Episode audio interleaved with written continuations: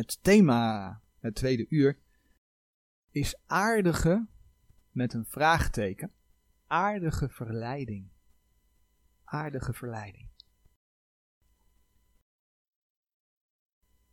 En waarom die vraagteken bij aardig staat en waarom aardige verleiding, dat zal eh, zo meteen duidelijk worden, denk ik. In een aantal preken heb ik het afgelopen jaar verwerkt dat een prediker, als die het woord brengt, mensen niet naar de mond moet praten. Dat is belangrijk. Gods woord waarschuwt daartegen. En de teksten die ik daar nog wel eens bij aangehaald heb, is 1 Thessalonicense 2 vers 5. En dat vers willen we vanmorgen in de context lezen. Dus we gaan het wat ruimer lezen. 1 Thessalonicense 2 vers 4 tot en met 7 is het eerste gedeelte wat we samen lezen. In die versen in 1 Thessalonicense 2 vers 4 tot en met 7, daar lezen we. Maar gelijk wij van God beproefd zijn geweest, dat ons het evangelie zou toebetrouwd worden. Alzo spreken wij niet als mensenbehagende, maar goden die onze harten beproeft. Want wij hebben nooit met pluimstrijkende woorden omgegaan, gelijk gij weet, nog met enig bedeksel van gierigheid, God is getuige. Nog zoekende eer uit mensen, nog van u, nog van anderen, hoewel wij u tot last konden zijn als apostelen van Christus. Maar wij zijn vriendelijk geweest in het midden van u, gelijk als een voedster haar kinderen koestert. Omgaan met pluimstrijkende woorden is hetzelfde als vlei. Paulus zegt dus dat hij mensen niet naar de mond sprak. Dat hij zich niet bezighield met vleierijen. Maar dat is natuurlijk niet alleen voor een prediker van belang. Als gelovige in Jezus Christus zou je je gewoon niet moeten bezighouden met vleierijen. Het gaat dus ieder kind van God aan. Of je nu het evangelie doorgeeft, of gewoon in het dagelijks leven, in omgang met elkaar. En dat is best wel belangrijk om te zien, omdat dit soort dingen, vleierijen, ook in christelijke groepen of gemeentes voorkomt, ja, ook onder bijbelgelovigen. Het punt met vleien is, en we gaan daar vandaag een voorbeeld van zien, dat mensen zich vaak anders voordoen dan ze eigenlijk zijn.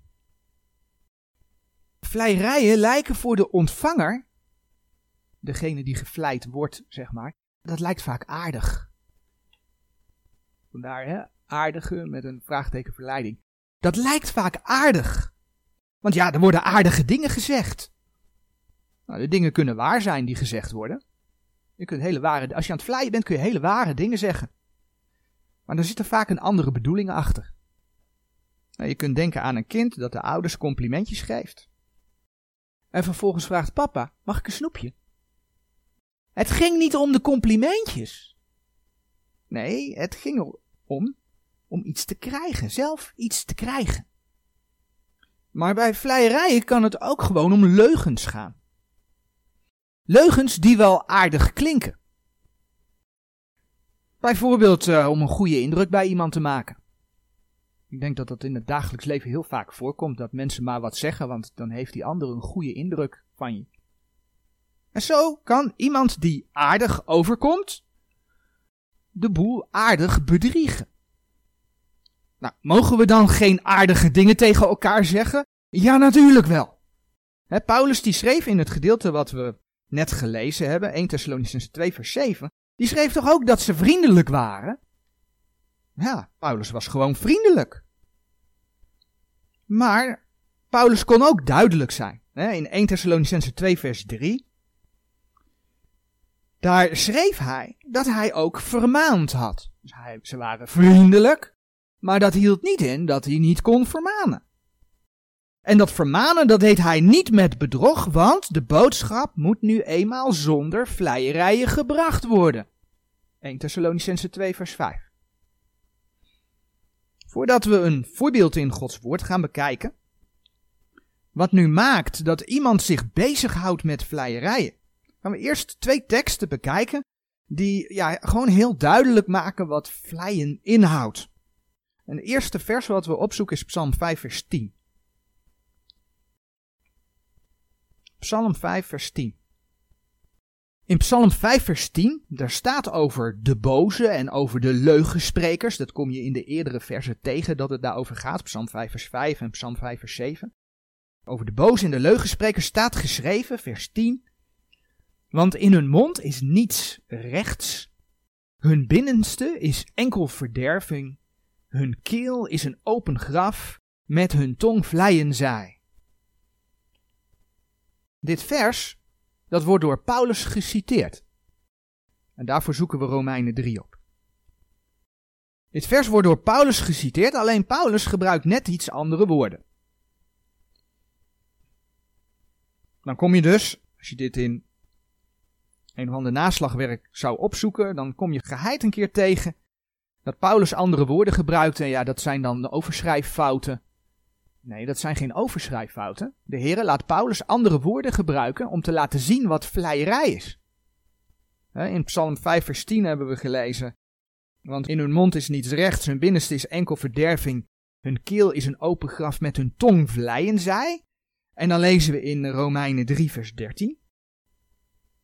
Hun keel is een geopend graf, met hun tong plegen zij bedrog. Slangenvenijn is onder hun lippen. Vleierij is dus gewoon bedrog. Punt. Vleierij is bedrog. Of het nu waarheden zijn die gezegd worden om een ander doel te bereiken, of dat het aardig klinkende leugens zijn om bij iemand in een goed daglicht te komen. Het is en het blijft bedrog. Nou, en de reden is dus ook ja, vaak om zelf iets te krijgen. Om zelf iets te krijgen of om een bepaalde reden bij iemand in een, in een goed blaadje te komen. Dat blijkt ook uit 1 Thessalonicense 2 vers 5, de versen die we gelezen hebben. Want nadat Paulus gezegd heeft dat hij nooit met pluimstrijkende woorden omgegaan eh, is, voegde hij daaraan toe, 1 Thessalonicense 2 vers 5, het laatste stukje van dat vers, gelijk gij weet, nog met enig bedeksel van gierigheid. En gierigheid is dat je zelf graag van alles wilt hebben.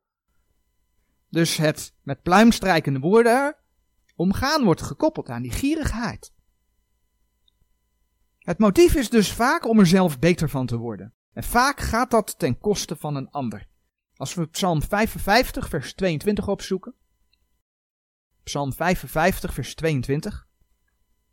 In dat vers staat geschreven: Zijn mond is gladder dan boter, maar zijn hart is krijg nog zulke mooie woorden zeggen, maar van binnen kan het oorlog zijn. Krijg, oorlog. Zijn woorden zijn zachter dan olie, maar dezelfde zijn blote zwaarden. Je hebt dus te maken met schone schijn. Het lijkt mooi, het lijkt aardig, maar het is schijn. Want er zit wat anders achter. Laten we voor een voorbeeld het volgende schriftgedeelte lezen. En dat is 2 Samuel 15, vers 1 tot en met 12. Dat gaat over de zoon van koning David, Absalom, die in opstand kwam. 2 Samuel 15, daar lezen we de eerste 12 versen van.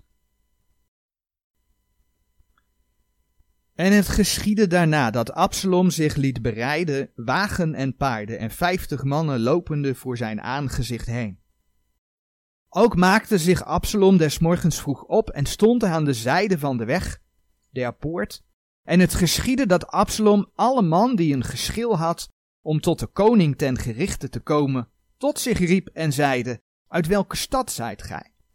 Als hij dan zeide, uw knecht is uit een der stammen Israëls, zo zeide Absalom tot hem, zie uw zaken zijn goed en recht, maar gij hebt geen verhoorder van des konings wegen. Voort zeide Absalom, och dat men mij ten rechter stelde in het land, dat alle man tot mij kwamen die een geschil of rechtszaak heeft, dat ik hem recht sprake. Het geschiedde ook, als iemand naderde om zich voor hem te buigen, zo reikte hij zijn hand uit en greep hem en kuste hem. En naar die wijze deed Absalom aan gans Israël, die tot de koning ten gerichte kwamen. Alzo stal Absalom het hart der mannen Israëls. Ten einde nu van veertig jaar is het geschied dat Absalom tot de koning zeide, laat mij toch heen gaan en mijn gelofte die ik de Heer beloofd heb te Hebron betalen. Want uw knecht heeft een gelofte beloofd, als ik de geeser in Syrië woonde, zeggende, indien de Heere mij zekerlijk weder te Jeruzalem zal brengen, zo zal ik de Heere dienen. Toen zeide de koning tot hem, ga in vrede. Alzo maakte hij zich op en ging naar Hebron. Absalom nu had verspieders uitgezonden in alle stammen Israëls, om te zeggen, als gij het geluid der bazuin zult horen, zo zult gij zeggen, Absalom is koning te Hebron. En er gingen met Absalom van Jeruzalem tweehonderd mannen genodigd zijnde, doch gaande in hun eenvoudigheid, want zij wisten van geen zaak. Absalom zond ook om Achitofel de Giloniet Davids raad uit zijn stad, uit Gilo te halen, als hij offeranden offerde. En de verbintenis werd sterk, en het volk kwam toe en vermeerderde bij Absalom. Je kunt in de schrift verder lezen hoe David vervolgens vluchtte. Maar hoe de geschiedenis zo wendde dat Absalom in de strijd omkwam en dat David weer terugkwam in Jeruzalem. Dat gaan we allemaal niet lezen.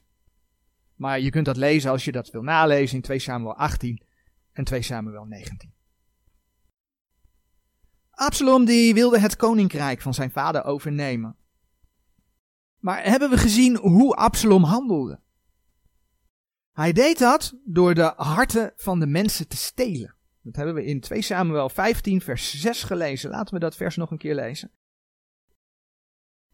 En naar die wijze deed Absalom aan gans Israël, die tot de koning ten gerichte kwamen, alzo stal Absalom het hart der mannen Israëls. Het koninkrijk behoorde zijn vader, maar door de mensen te manipuleren, en daar gaan we zo wat dieper op in, probeerde hij het volk op zijn hand te krijgen, waardoor hij de macht kon overnemen. En hij volgde daarin een bepaalde tactiek. Nou, daar gaan we dus naar kijken. In vers 1 van 2 Samuel 15 hebben we gelezen. En het geschiedde daarna dat Absalom zich liet bereiden, wagen en paarden, en vijftig mannen lopende voor zijn aangezicht heen. Dit vers spreekt over en het geschiedde daarna. De geschiedenis ervoor laat namelijk al het een en ander zien ja, wie die Absalom eigenlijk is. Absalom was een man van uiterste. Doorgaans kwam hij over als een aardig persoon. In eerste instantie stuurde hij bijvoorbeeld, dat lees je in 2 Samuel 14, stuurde hij bijvoorbeeld tweemaal knechten om Joab te halen. Maar Joab die kwam niet. Joab was de legeroverste van David. Joab kwam niet, die gaf geen gehoor. En toen hij dat dus niet deed, toen bedacht Absalom niet van nou, dan ga ik maar eens even zelf naar Joab toe, om een verhaal te doen. Nee, toen viel hij in het andere uiterste en wat deed hij? Hij liet de akker van Joab door zijn knechten in de brand steken. Waardoor vervolgens Joab wel bij hem kwam. Dat lees je in 2 eh, Samuel 14, vers 29 tot en met 31. Dus hij zorgde ervoor dat, dat Joab deed wat hij wilde dat er gebeurde, koste wat kost. Blijkbaar heeft hij Absalom het een beetje hoog in zijn bol. En dat weet hij doorgaans te bereiken door zich gewoon netjes en aardig te gedragen. Maar wat was zijn doel daarmee? Nou, blijkbaar om zijn vader af te zetten, want wat ging hij doen? En dus was hij eigenlijk helemaal niet zo aardig, helemaal niet zo netjes. Zoals bleek uit zijn uh, uitval tegenover Joab. Dus achter die aardigheid, ja, schuilde wat anders. Van Absalom staat bijvoorbeeld geschreven in hoofdstuk 14, vers 25. 14, vers 25. Nu was er in gans Israël geen man zo schoon als Absalom, zeer te prijzen. Van zijn voedsel af tot zijn hoofdschedel toe was er geen gebrek in hem. Absalom was schoon. Hij was mooi om te zien en dus zeer te prijzen. Je ziet dat in de showbiz, zie je ook, hè? mensen die willen er mooi uitzien. En uiteindelijk draait het allemaal om invloed, draait om rijkdom, geld, macht, noem het maar op. Maar dat zegt dus iets over Absalom. Hij was klaarblijkelijk een man die geprezen werd. En dat wilde hij ook. En dat blijkt uit 2 Samuel 15 vers 1 bijvoorbeeld. Want daar lazen we, hij was geen koning. En wat doet hij? Hij neemt een wagen en paarden en hij laat uh, eh, 50 mannen laat hij voor zich uitlopen. Hij is uit op eer. Eigen eer. En weet je wie daar ook last van hadden? Lees je in Johannes 12, vers 43. Dat waren de fariseeën. Johannes 12, vers 43. Daar lezen we dat er over de fariseeën gezegd wordt, want zij hadden de eer van de mensen lief meer dan de eer van God. Dus de eer van mensen stond bij hen centraal en niet of ze een goede relatie met God hadden. Zij wilden net als Absalom door mensen geprezen worden. En dat laat zien dat het hele trotse mannen waren. Ja, en doordat ze trots waren, ik heb dat weergegeven door dat i'tje van ik, die met die punt mooi gekroond wordt. Ze waren gericht op hun ik. Daardoor was ook Absalom gericht op zijn ik. ik bedoel, hij, hij moest wat bereiken. Nou, in Psalm 19, vers 14 mocht David het volgende schrijven. Psalm 19, vers 14. Zie dat ik op de dia Psalm 19, vers 4 heb staan. Dan moet toch echt vers 14 zijn. David mocht schrijven: Houd uw knecht ook terug van trotsheden.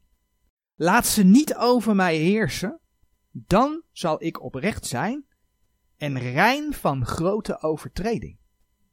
Zie je dat staan? Houd uw knecht ook terug van trotsheden. Wees niet trots. Dat is eigenlijk wat er staat. Laat ze niet over mij heersen, dan zal ik oprecht zijn en rein van grote overtreding. Hieruit blijkt dus dat trotsheid je tot grote overtreding, je tot grote zonde kan leiden. En dat zien we in het leven van Absalom. Ik als je naar het voorbeeld van David kijkt. Hè, David die notabene vervolgd werd door koning Saul op een gegeven moment. En koning Saul die was ook nog eens een keer, die luisterde niet naar God. Dat was een zondige koning, die vervolgde David. Toen kwam David met hem in één grot. En toen zeiden ze knechten tegen hem, nu kun je zijn leven nemen van je vijand. En wat zei David? Nee, ik raak niet de koning aan die door de Heer gezalfd is. God die doet dat wel op zijn tijd. Dat was David. Maar Absalom, die was precies het tegenovergestelde. Die wilde zijn vader, hè, die dus ook door de Heer gezalfd was, die notabene in Gods woord ook een man naar Gods hart genoemd werd. 1 Samuel 13 vers 14, 1 Koningen 15 vers 5. Die ook fouten had, laat de schrift ook zien, maar die wel de Heer diende. Die zou Absalom wel eens even helpen. Zou Absalom wel eens even eigenhandig doen. Dus Absalom werd tot, door zijn trotsheden, tot grote zonde geleid. En dan zegt de Heer in Spreuken 16, vers 18. Spreuken 16, vers 18. Hoogvaardigheid is voor de verbreking en hoogheid des geestes voor de val.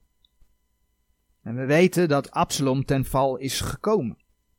De Heer wil geen trotsheid. Wat de Heer wil, is nederigheid. Spreuken 16 vers 19, het volgende vers, zegt het is beter nederig van geest te zijn met de zachtmoedige dan roof te delen met de hoogwaardige. Dan gaat vers 20 nog even verder. Die op het woord verstandigelijk let zal het goede vinden en die op de Heere vertrouwt, die is wel gelukzalig. Laat dat een waarschuwing zijn voor vandaag de dag. De Heer wil dat je nederig bent. Dat je niet op jezelf vertrouwt. Want dat is voedingsbodem voor trotsheid.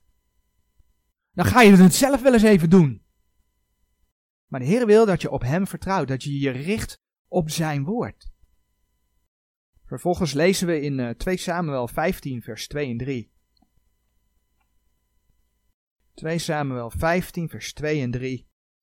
Ook maakte zich Absalom des morgens vroeg op en stond aan de zijde van de weg der poort. En het geschiedde dat Absalom alle man die een geschil had om tot de koning ten gerichte te komen, tot zich riep en zeide uit welke stad zijt gij? Als hij dan zeide, uw knecht is uit een der stammen Israëls, zo zeide Absalom tot hem, zie uw zaken zijn goed en recht, maar gij hebt geen verhoorder van des konings wegen. Absalom was trots. Hij wilde geprezen worden. En dus vertelde hij leugens over zijn vader. De mensen waren op weg naar de koning om hun geschil voor te leggen. Maar voordat ze bij de koning waren, werden ze door Absalom onderschept. Kom maar eens even hier, vertel mij je verhaal maar eens even. En zonder te informeren, zonder uit te zoeken, zei hij direct: Zie, uw zaken zijn goed en recht. Dus of het nu waar was of niet, dat maakte niet uit. Want ja, dat was wat de mensen wilden horen. Ze wilden graag gelijk krijgen. En vervolgens deed Absalom voorkomen dat de koning geen gehoor zou geven. Dat is natuurlijk onzin, want ze gingen niet voor niks naar de koning om een geschil voor te leggen. Maar Absalom vulde alvast in en bij de koning krijg je geen gehoor. Dat is een leugen. En zo bespeelde hij de mensen. Nou, hoe kun je dat nou naast onze huidige maatschappij leggen? Eenvoudig voorbeeld. Stel je baas viert een feest. En die komt binnen in een gloednieuw pak. Maar die kleurencombinatie, dat vind je zo vreselijk. Wat zeg je dan? Wat zeg je dan? Zeg je niets? Of uh, maak je een beetje neutrale opmerkingen? Ik zie dat je je nieuw gestoken hebt voor het feest. Of zeg je gewoon rechtuit, wat een vreselijke combinatie heb jij aan, zeg. Nou, ik denk dat dat laatste, dat dat bijna niemand zal zeggen. Maar hoeveel zullen er zeggen, baas, wat zie je er geweldig uit vandaag? En dat is een leugen. Een leugen om aardig gevonden te worden door je baas. Maar ja, misschien ben je wel uit op promotie. Je bent toch afhankelijk van je baas, hè? Of uh, ja, je wil voorkomen dat je baas denkt, nou, uh, dan moet ik maar eens even kijken wat ik met die moet uh, in de toekomst. Als die zulke dingen tegen mij zegt. Weet je, dat is vleien. Is naar de mond. Gewoon een heel simpel voorbeeld. Dat is vleien. Liegen zodat iemand maar niet iets anders over jou denkt. Of liegen om een bepaald doel te bereiken. Ja, en weet je, dat kom je in de gemeente ook tegen. Mensen die leugens vertellen over een ander, terwijl ze jou naar de mond praten. Omdat ze wat willen. Wat ze willen is aardig gevonden worden. Door jou, hè, want jij wordt naar de mond gepraat. En dat gaat dan ten koste van die ander. En soms gaat het ze bijvoorbeeld erom om een bepaalde taak in de gemeente te krijgen. Gaat het om aanzien misschien? Trots? Want dat zit daar dan achter.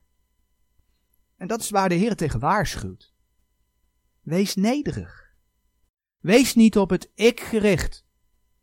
Want trotsheid leidt uiteindelijk, hoe dan ook, tot een valpartij. In Psalm 12 vinden we daar een aantal duidelijke versen over. Psalm 12, vers 2 tot en met 5.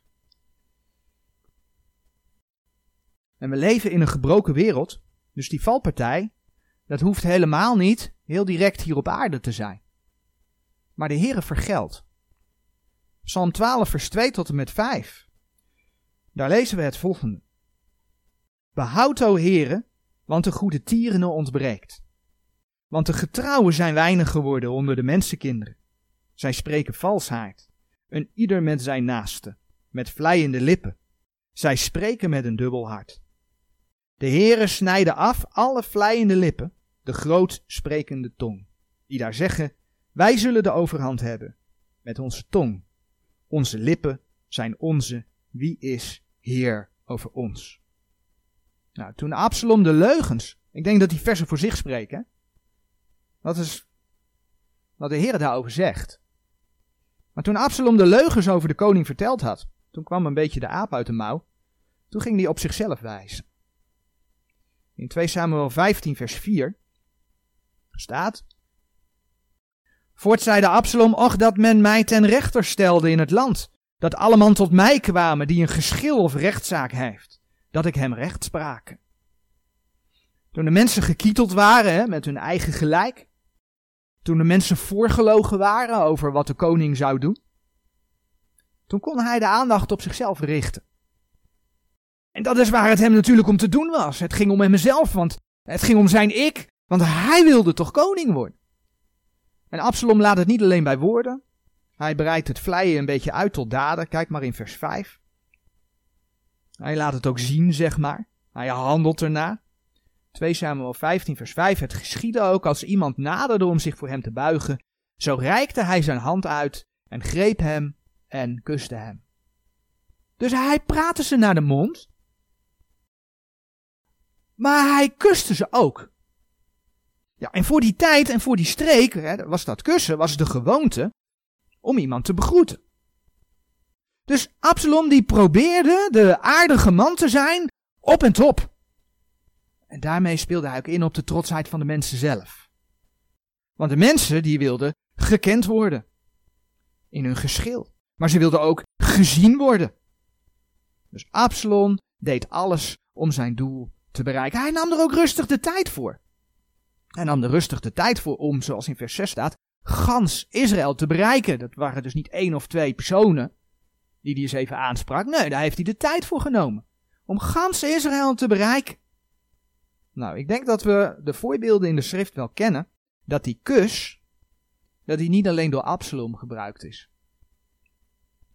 Als je in Matthäus 26, vers 48 en 49 kijkt, het is een beetje een andere situatie, maar daar wordt die kus ook wel zo gebruikt. Namelijk door Judas om de Jezus te verraden. Dat was niet een, kus om hem te begroeten. Dus dat was een bedrieglijke kus die Judas uitdeelde. Nou, precies hetzelfde idee.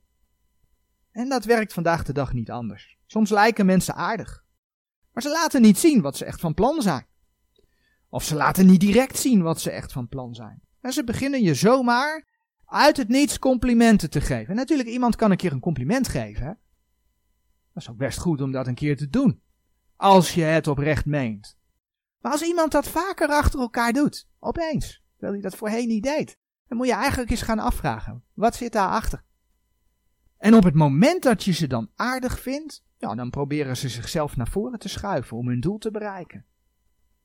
En Absalom deed dat ook nog eens in het openbaar. Hij deed dat aan de, aan de zijde van de weg, van de weg der poort. 2 Samuel 15 vers 1. Nou, het is een bijbelse waarheid dat je moet oppassen voor mensen die je in het openbaar gaan prijzen. Zij zijn degene die je geestelijk gezien als eerste een mes in de rug steken. Als we Spreuken 27 vers 14 opzoeken, Spreuken 27, vers 14. Dan lezen we daar het volgende. Die zijn vriend zegent met luidere stem, zich des morgens vroeg opmakende, het zal hem tot een vloek gerekend worden. Nou, dan kun je als eerste bedenken, nou, als iemand iemand zegent met luide stem, waarom moet hij daar dan om vervloekt worden? Het gaat hem om Zegenen met luider stem. Hij heeft er bijbedoelingen mee. Dat is vleien. Iemand die met luide stem iemand complimenten maakt, heeft daar een bijbedoeling mee. Daarom staat er in het tweede deel van het vers: Het zal hem tot een vloek gerekend worden. Want de Heere zal de vleiende lippen afsnijden. Hebben we gelezen in Psalm 12, vers 4. Nou, de Heere is er heel erg duidelijk over in zijn woord wat hij van vleierijen vindt. Je moet het dus ook niet als iets goeds gaan zien. Zo van, we maken iemand blij met onze woorden. We zeggen het maar, want dan wordt hij gelukkig van terwijl je het eigenlijk niet meent. Want alsnog blijft het bedrog. En het schaadt degene die vlijt. Absalom werd verslagen. We zagen dat eh, de heren het vleien vergeldt. Maar ook degene die gevleid worden, worden geschaad. We hebben in uh, 2 Samuel 15 vers 12 gelezen dat hij velen achter zich aankreeg. En er ontstond een strijd. En dan lees je in 2 Samuel 18 vers 7 dat er door die strijd 20.000 man de dood vond. 20.000 man stierf. Doordat Absalom aan het vleien was gegaan en die oorlog ontketende omdat hij iets wilde wat hem niet toekwam. En ja, dat betrof dus degene die er bewust voor kozen om Absalom te volgen. Als je erin meegaat, zul je de schade eens ondervinden. En klaarblijkelijk zijn mensen er gevoelig voor. Want ja, het betreft hun ik. Ja, het betreft hun trots. Ja, het betreft hun, en dan komt hij, hun gevoel. Want als jij aardig benaderd wordt, probeer er maar eens doorheen te prikken. Behalve dat de Heer het vergeldt, zegt Spreuken 26, vers 28. Spreuken 26, vers 28. Een valse tong haat degene die zij verbrijzelt, en een gladde mond maakt omstoting. Een gladde mond ruïneert. Vleierijen maakt mensen kapot. Vaak zie je dat personen in Gods woord iets laten zien van een ander. Sommige personen vormen bijvoorbeeld een type, een beeld van de Heer Jezus. Denk aan koning David. Is daar een voorbeeld van. Zo vormt Absalom een type van iemand anders. Enig idee? De antichrist. Ja, Absalom is een type van de antichrist. Het is de antichrist die de valse messias zal zijn, die zich zal verheffen boven God. 2 Thessalonians 2 vers 4. Wat zal de tactiek van de antichrist zijn om de aandacht te krijgen, zegt Gods woord? Vleierijen. Kijk maar in Daniel 11 vers 21. Daniel 11 vers 21. Daniel 11, vers 21 zegt: Daarna zal er een verachte in zijn staat staan, de welke men de koninklijke waardigheid niet zal geven, doch hij zal in stilheid komen en het koninkrijk door vleierijen bemachtigen. Nou, dit gaat over de antichrist. Lees het thuis maar in de context na, dan weet je dat dit vers over de antichrist gaat. Hij zal het door vleierijen bemachtigen. Absalom was een type, een beeld van de antichrist, die het koninkrijk door vleierijen probeerde te bemachtigen die zijn vader wilde afzetten. Nou, de antichrist die wil zich boven God verheffen. Zijn meester is de duivel. En hoe wordt die duivel in Johannes 10 beschreven? Als de dief. Johannes 10. Johannes 10, vers 10. Die duivel is maar op één ding uit. Die dief is maar op één ding uit. En dat lezen we in Johannes 10, vers 10. De dief komt niet dan opdat hij stelen en slachten en verderven. Ik ben gekomen, zegt de Heer Jezus, opdat zij het leven hebben en overvloed hebben. Maar die dief is dus, die komt maar om één ding, te stelen, te slachten en te verderven. Als kind van God kun je niet verloren gaan. Maar die duivel kan je wel in zijn macht krijgen. Dat je bijvoorbeeld, ik noem maar wat, de wereld weer ingaat. Of dat je, ja, als kind van God, ja, je leven wel leeft, maar eigenlijk niets voor de Heer doet. Efeze 4 vers 27 spreekt over dat je de duivel geen plaats moet geven. En in Handelingen 5 vers 3 lees je dat Ananias zijn hart vervuld was met de duivel. Dus ja, kind van God, die, die kan in beslag genomen worden door de duivel. Hij steelt je hart dan bij de Heere weg, ondanks dat je behouden bent. En dat is exact 2 Samuel 15 vers 6. Wat Absalom met de harten van de mensen deed, hij stal de harten. Vleierijen zijn dus een tactiek van de vijand van God. En daarom moeten we er verre van blijven. We hebben gezien hoe het zowel de vleier als de gevleide schaadt. We hebben gezien hoe de Heere zegt dat hij de vleiende lippen zal afsnijden. Kijk wat uh, Spreuken 20 vers 19 zegt. Spreuken 20, vers 19. Die als een achterklapper wandelt, openbaart het heimelijke. Vermeng u dan niet met hem die met zijn lippen verlokt. Vermeng u dan niet met hem die met zijn lippen verlokt. Duidelijk toch? Is wat Gods woord zegt. En ja, mensen, dit is een boodschap juist voor deze gemeentetijd. Voor de tijd waarin wij leven. Al leven we niet in de tijd van de antichrist, om hem maar even de grote verleider te noemen. Maar het is voor de gemeentetijd. Als je in 2 Timotheus 3 kijkt, dan zie je wat er over de laatste dagen geschreven staat. 2 Timotheus 3, vers 1 tot en met 5. En weet dit, dat in de laatste dagen ontstaan zullen zware tijden. Zware tijden. Want de mensen zullen zijn liefhebbers van zichzelf, geldgierig, laatdunkend, hoogwaardig, lasteraars, de ouders ongehoorzaam, ondankbaar, onheilig, zonder natuurlijke liefde, onverzoenlijk, achterklappers, onmatig, wreed, zonder liefde tot de goede, verraders, roekeloos, opgeblazen, opgeblazen, trots. Meer liefhebbers der wellusten dan liefhebbers gods. Hebbende een gedaante van godzaligheid. Het ziet er zo heerlijk uit, zo aardig. Hebbende een gedaante van godzaligheid, maar die de kracht derzelve verlogend hebben. Heb ook een afkeer van deze. We hebben wel eens uitgebreid stilgestaan bij het gedeelte meer liefhebbers der wellusten dan liefhebbers gods. En bij de liefhebbers van zichzelf. Maar we hebben gezien hoe vleien de oorsprong vindt in zelfliefde, trots. En kijk hoe dat in deze vers terugkomt, hè? Hoogvaardig, dat is trotsheid. Je ziet staan ook lasteraars, achterklappers. Maar dus ook verraders, en ik benadrukte het net al een beetje, het opgeblazen zijn. Het, dat het om je eigen ik gaat. Het zijn allemaal dingen die met het vlees te maken hebben. En we worden opgeroepen, in Efeze 4 bijvoorbeeld, om de oude mens af te leggen en de nieuwe mens aan te doen. Dat is toch de oproep die de Heer geeft. En juist in die context zegt de Heer in Efeze 4, vers 20 tot en met 25 het volgende. Doch gij hebt Christus alzo niet geleerd. Indien gij maar hem gehoord hebt en door hem geleerd zijt, gelijk de waarheid in Jezus is, te weten dat gij zoudt afleggen aangaande de vorige wandel, de oude mens, die verdorven wordt door de begeerlijkheden der verleiding. En dat gij zoudt vernieuwd worden in de geest uws gemoeds. En de nieuwe mens aandoen die naar God geschapen is in ware rechtvaardigheid en heiligheid. Daarom legt af de leugen en spreekt de waarheid en iegelijk met zijn naaste, want wij zijn elkanders leden. Vleierij is leugen en bedrog.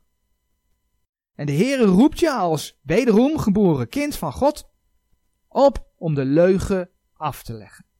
Gisteren mocht ik een inleiding geven op het eh, boek Romeinen, het tweede deel. De laatste hoofdstukken van Romeinen, eigenlijk de tweede helft van Romeinen. En daar kwam onder andere Romeinen 13 vers 12 in naar voren. Romeinen 13 vers 12 zegt, de nacht is voorbij gegaan en de dag is nabij gekomen. Laat ons dan afleggen de werken der duisternis. Vleierij is van de antichrist, van de duivel. Laat ons dan afleggen de werken der duisternis en aandoen de wapenen des lichts. Zie je hoe dat allemaal samenhangt? Hoe dat allemaal één, ja, Gods woord is één geheel. Dat is zo mooi. Wees niet trots, wees niet hoogmoedig, maar voeg je nederig naar het woord van God. Want dat is waar het om gaat. Naar het woord van God. En laat die houding ook je contact met broeders en zusters bepalen. Filippenzen schrijft daarover in Filippenzen 2, vers 3 en 4. Filippenzen 2, vers 3 en 4. Doet geen ding door twisting of ijdele eer. Ijdele eer. Trotsheid. Maar door ootmoedigheid achten de een de ander uitnemender dan zichzelf. Een iegelijk zie niet op het zijne, maar een iegelijk zie ook op hetgeen dat der anderen is. Enerzijds is deze boodschap een waarschuwing. Een waarschuwing dat wat je ziet en wat je ervaart niet altijd echt is. Ik bedoel, 2 Korinthe 11 vers 14 schrijft toch dat de duivel kan verschijnen als een engel des lichts. Anderzijds is deze boodschap een reden om bij jezelf naar binnen te kijken. En te kijken, hoe gedraag ik mij nou? Hoe sta ik in het leven? Met broeders en zusters, maar net zo goed in het dagelijks leven. Stel, mijn baas heeft dat nieuwe pak aan. Wat zeg ik dan? Aardig zijn is in elk geval niet hetzelfde als vleierij. Maar vleierijen worden wel onder een dekmantel van zogenaamde aardigheid gebracht. En dat alles betekent dus niet dat je niet aardig zou mogen zijn of dat je geen complimenten zou mogen geven. De vraag is: is je aardigheid oprecht? Is het echt? Heb je geen bijbedoelingen? Zijn je complimenten oprecht? Spreek je de waarheid? En als je het meent, kun je iemand dus zeker een compliment maken. Morgen lazen we dat Paulus ook aangaf dat ze vriendelijk waren. Maar ook gaf hij aan te vermanen, want soms moet je gewoon een keer boos zijn. Simpel. En weet je wat de Heer daarover zegt in Spreuken 28, vers 23? Spreuken 28, vers 23 is dan ook het laatste vers wat we opzoeken vanmorgen. Die een mens bestraft, zal achterna gunst vinden. Meer dan die met de tong vlijt. Vleien is niet goed. Vleien is niet goed. Wie een mens bestraft, zal achterna gunst vinden. Laten we oprecht zijn. Laten we nederig zijn. Laten we in waarheid met elkaar omgaan. Laten we geen water bij de wijn doen. Laten we niet liegen. Laten we niet bedriegen. Niet alleen in de prediking, maar ook in het dagelijks leven. En dat niet alleen in de grote dingen, dingen waarvan wij denken dat het groot is, maar zelfs in de kleine dingen. Amen.